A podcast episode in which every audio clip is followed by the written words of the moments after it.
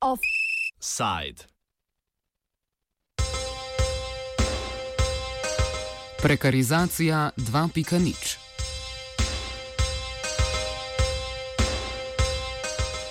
Zveza svobodnih sindikatov in delavska svetovalnica sta na današnji tiskovni konferenci opozorili na nove oblike izkoriščanja delavstva. V prvem delu sta izpostavili prakse delodajalcev, v nekaterih primerjih protizakonite, s katerimi ti iz svojih delavcev iztisnejo največ, kar lahko.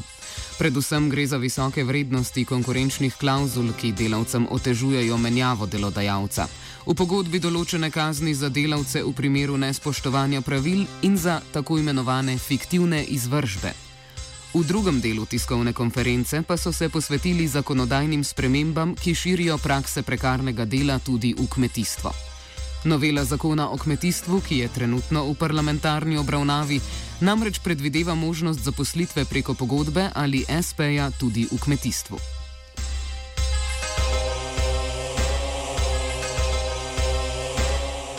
Prvi izpostavljeni problem so visoke vrednosti konkurenčnih klauzul. Konkurenčne klauzule predvidevajo, da delavec v obdobju največ dveh let po prenehanju pogodbe o zaposlitvi ne sme opravljati konkurenčne dejavnosti pri drugem delodajalcu. Če bi to vseeno opravljal, za delavca sledi kazen. V zameno za zavarovanje delodajalca pred prehodom k konkurenci pa je delodajalec v času trajanja klauzule dolžan delavcu izplačevati nadomestilo v višini najmanj ene tretjine mesečne plače v zadnjih treh mesecih zaposlitve.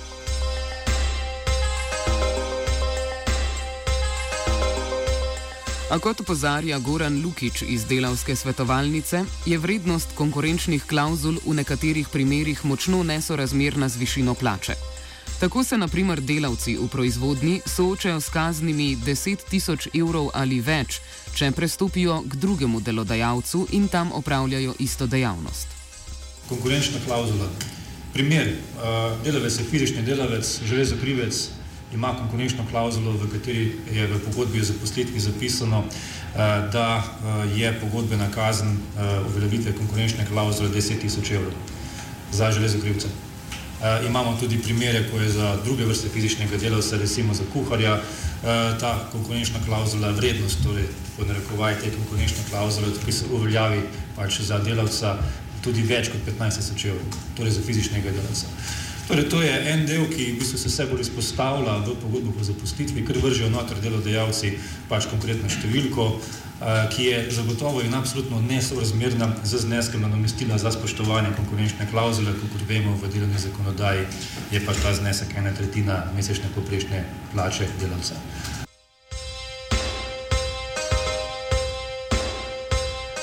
Primeru tujih delavcev je pogosta praksa delodajalcev, da jim zaračunavajo tudi domnevne stroške urejanja delovnih dovoljenj. V primeru tujih delavcev uh, to moramo izpostaviti oni že prednji, ko pridejo v Slovenijo, eh, praviloma, nažalost govorimo praviloma, nažalost govorimo že o vzorcu, plačujejo za izdelavo in urejanje dokumentacije po več sto in celo po več tisoč evrov. Kokor vemo, zakonodaja v bistvu pravi, da je to nezakonito, delavci sami eh, jemljajo kredite, jemljajo kratkoročne kredite, prodajajo, kar imajo, zato da splačajo ta znesek delodajalcev, ki jim v bistvu pod pretvezo tega, da to nujen strošek, stavi ta račun. Naslednja praksa, ki jo v delavski svetovalnici opažajo, pa je, da delodajalci v pogodbi o zaposlitvi opredelijo kazni za delavce v primeru, da ti ne spoštujejo delodajalčevih pravil. Takšna praksa je, kot opozarja Lukič, nezakonita. Potem pa se nadaljuje ta kreativnost delodajalcev, ko dajo pogodbo o zaposlitvi seznam pogodbenih kazni, ker se nikdaj ne da. Torej, konkretno, recimo, ne vem, kaj pomeni zamonjeno delo, kaj pomeni neopravičen zastanek z dela in potem cena, in potem se štejejo. Uh, zdaj si predstavljate, da to vse, vsi ti primeri, o katerem bom, bom govoril, so lahko tudi v eni pogodbi parkirani. Torej, zdaj si predstavljate, kako ima kalkulator delodajalca pa računa, pač ok, konkurenčna klauzula 10 tisoč, pogodbene kazni, tukaj 100, tam 200, tam 300, ampak to je še le polovica zgodbe, pa še nadaljevanje bom povedal še druge stvari. Skratka, tudi tu delovna zakonodaja je zelo jasna. Uh, in sicer v 172. členu ZDR-ja je jasno zapisano, da ne moreš v bistvu kar vršiti noter pogodbene kazni z zneskom, zaradi tega, ker v bistvu je postopek za dokazovanje kakršne koli krivde. Ne pa da kar vržeš noto pogodbo in potem dela, delavec pod v bistvu prisilo, bi rekel temu, tako podpiše in potem to uveljaviš, evo ga, tukaj imaš za plačati.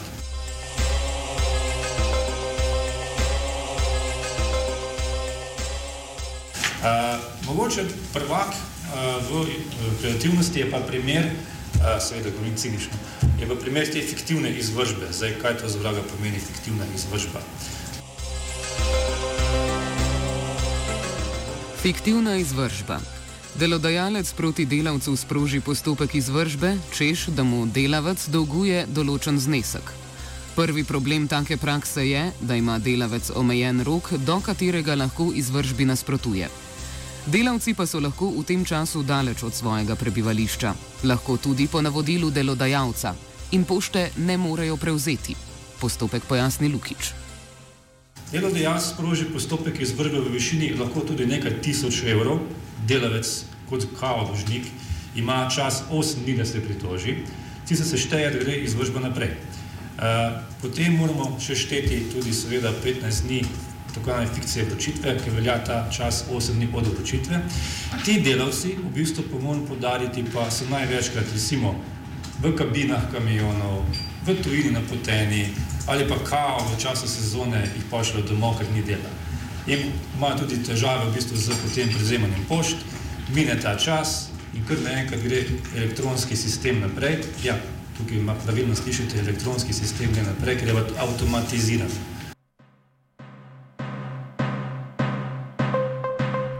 Sistem je avtomatiziran. Delodajalec uloži predlog za izvržbo, delavec pa ima 8-dnevni rok za pritožbo. Če se ne pritoži, sklep postane pravnomočen. In ker je celoten postopek avtomatiziran, resničnosti delodajalčevih trditev nihče ne preverja. V prvi točki pravnega pouka tega sklepa o izvržbi pa piše naslednje. Sklep o izvržbi je bil izdan na podlagi podatkov, ki jih je posredoval upnik v predlogu za izvržbo in sodišče resničnosti njihove sebine ni preverilo. Ni preverilo. Torej, to v bistvu je rekla kazala. In to več je sistem. V drugi točki pa piše, zopet sklep o izvržbi lahko dožnik vloži pisni govor v vas nekaj dneva vročitve pri okrajnem sodišču v Ljubljani, centralne delo za predstavno listino. Nekateri delodajalci po Lukičevih besedah izkoriščajo dejstvo, da njihovih trditev nihče ne preverja. Delodajalec mora v predlogu izvržbe namreč le navesti verodostojno listino, na osnovi katere predlaga izvržbo, ni pa mu treba te listine tudi predložiti. Nekateri delodajalci tako vlagajo izvržbe za dolgove, ki v resnici ne obstajajo. Andrej Zorko iz Zveze svobodnih sindikatov kot ključna problema vidi prav avtomatiziranost in odsotnost kakršnega koli preverjanja. Je to, to je ta problem. Ne? In zato bi bilo nujno potrebno to je, da se eh, podlaga za izdajo sklepov izvržbi preveri. Včasih smo to že imeli, v starem sistemu 5, tako imenovano e-izvržbo. Je že bil sistem, torej, kjer si ti predlogu za izvržbo dejansko moral predložiti tudi dokazila, listine.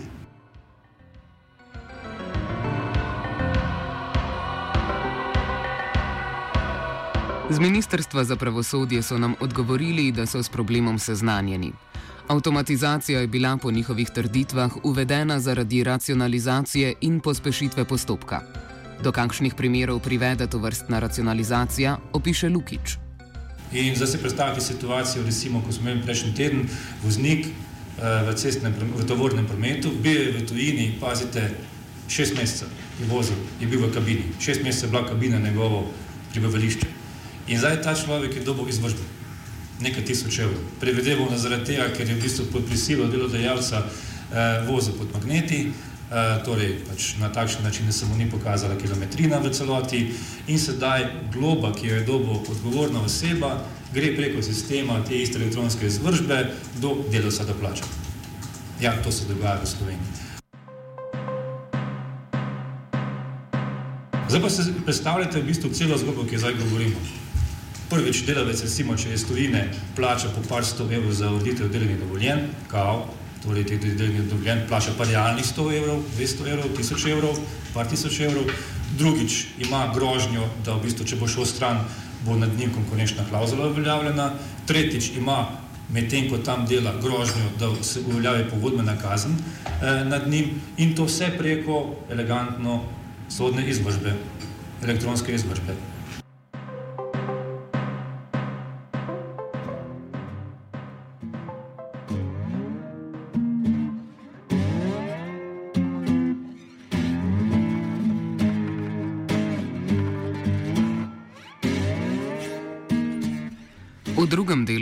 Delu tiskovne konference so sindikati opozorili na spremembe zakona o kmetijstvu. V parlamentarni obravnavi je trenutno novela tega zakona, ki med drugim uvaja možnost začasnega in občasnega dela v kmetijstvu po pogodbah civilnega prava in ne po pogodbi o delovnem razmerju.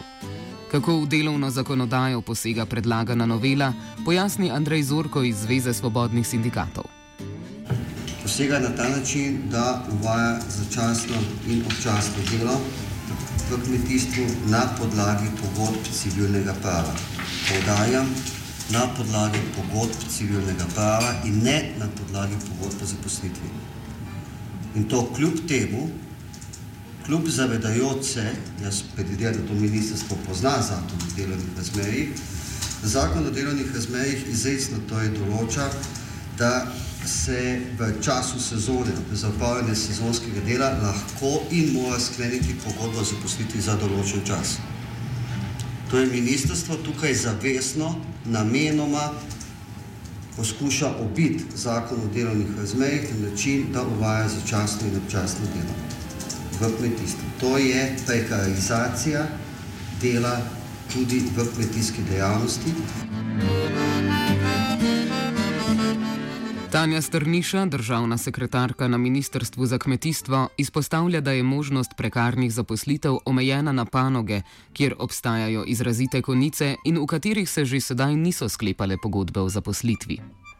Najprej bi povedala, da je to tudi ta, ta nova oblika dela zelo omejena tudi znotraj kmetijstva in da velja samo za določena dela in za določene panoge. Je, je možno samo v vinogradništvu, sadjarstvu in smrjarstvu, ker je narava dela taka, da je ni mogoče natančno planirati in je določena pravila treba, glede na vreme, glede na razvoj rastlin, opraviti v zelo kratkem času, sicer se naredi velika škoda. In ker tega ni možno natančno predvideti, kdaj v letu, kdaj v sezoni bo to nastopilo in koliko dela bo nekoliko, kakšno bo časovno okno, v katerem je treba to delo upraviti, je to delo zelo težko planirati na način, da bi se za takrat sklepala delovna razmerja.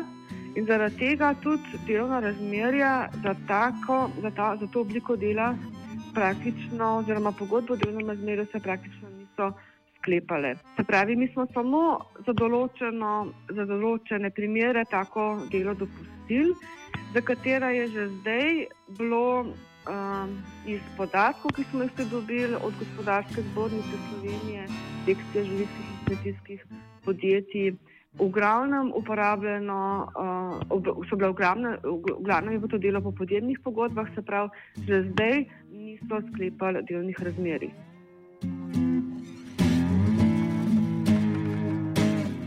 Strniša je prepričana, da zakon dejansko povečuje pravice sezonskih delavcev, saj ureja obveznosti delodajalca, ki jih delavci po trenutnih podjemnih pogodbah niso imeli. In ne glede na to, da sama narava dela ima elemente delovnega razmerja, to v praksi nikoli, uh, ta oblika dela ni nikoli zaživela v sedanjih teh podjemnih pogodbah, ali pa kakršne pogodbe so pa imeli s temi um, delavci, ki so ta dela upravljali, pa delavcem v bistvu um, ni bilo nič zagotovljeno samim zakonom. Mi zdaj z zakonom to rešujemo v bistvu tako, da te delavce, ki tako delo vzamejo, delojemalce ščitno, ker zakon predpiše, da seveda ja, delo je se upravljalo po civilni pogodbi, ampak je treba delavcu zagotoviti najmanj minimalno urno postavko, eh, je treba plačati socialne prispevke, je treba poskrbeti, da ne pride do diskriminacije na podlagi spola, kakšne uh, druge, pač veljajo vse prepovedi diskriminacije, pa tudi določila glede počitka, delovnega časa in podobno, kot velja po zakonu o delovnih razmerjih za delavce, ki so v delovnem razmerju. Tako da v bistvu mi s to obliko izboljšujemo stanje za, za sezonske delavce. Zakon sicer možnosti prekarnega dela ne omejuje izredno na določene panoge, kot sta naprimer vinogradništvo ali hmeljarstvo, ki jo je omenila Strniša. Zakon zgolj opredeljuje, da je taka oblika dela mogoča le v panogah, v katerih je neposredno od vegetacije, sezone oziroma narave dela odvisen izrazito povečan obseg potrebe po delovni sili.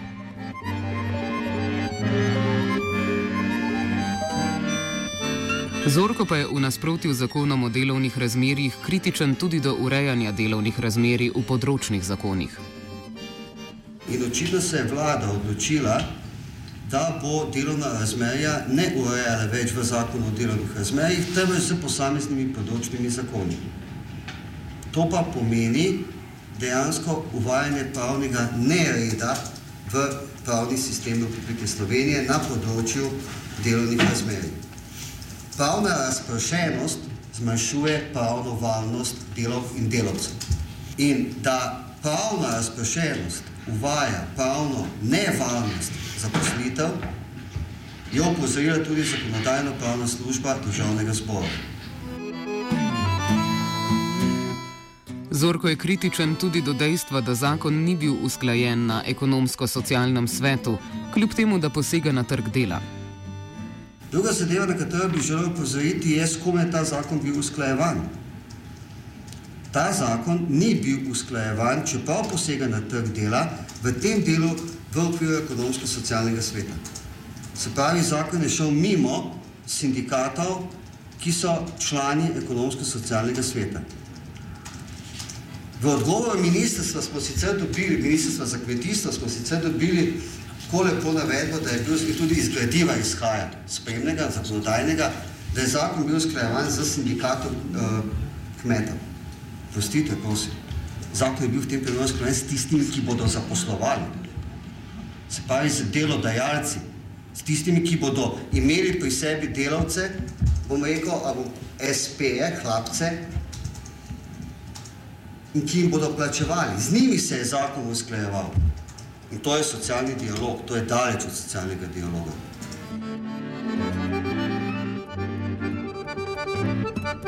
Strniša pove, da je pobuda za uvedbo možnosti prekarnih zaposlitev v kmetijstvu prišla od delodajalcev, ki so večkrat prejeli opozorila inšpektorata za delo. Glede usklajevanja na ekonomsko-socialnem svetu pa pojasnjuje, da Ministrstvo za kmetijstvo svojo zakonodajo običajno ne posega na trg dela, in da jih ni nihče opozoril na potrebo po dodatnem usklajevanju. V prihodnosti pa bodo podobne posege uskladili tudi na ekonomsko-socialnem svetu. Ampak, kakorkoli že, mi um, nismo bili, ker smo delali vse čas tudi uh, z ministrstvom za delo, ker običajno naša zakonodaja res ne posega v, v kakorkoli v delovno razmerje ali pa v neke druge pravice, ki so, ali pa eh, ne posega na ta področja, ki se ponavadi stojujejo na, na ekonomsko-socialnem svetu. In nas ni nišče na to upozoril.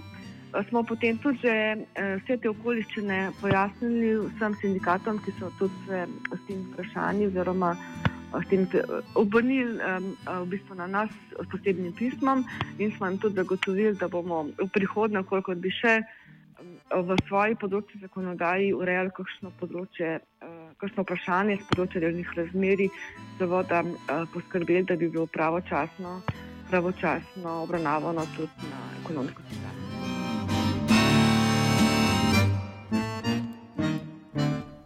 Offside je pripravil Twitter.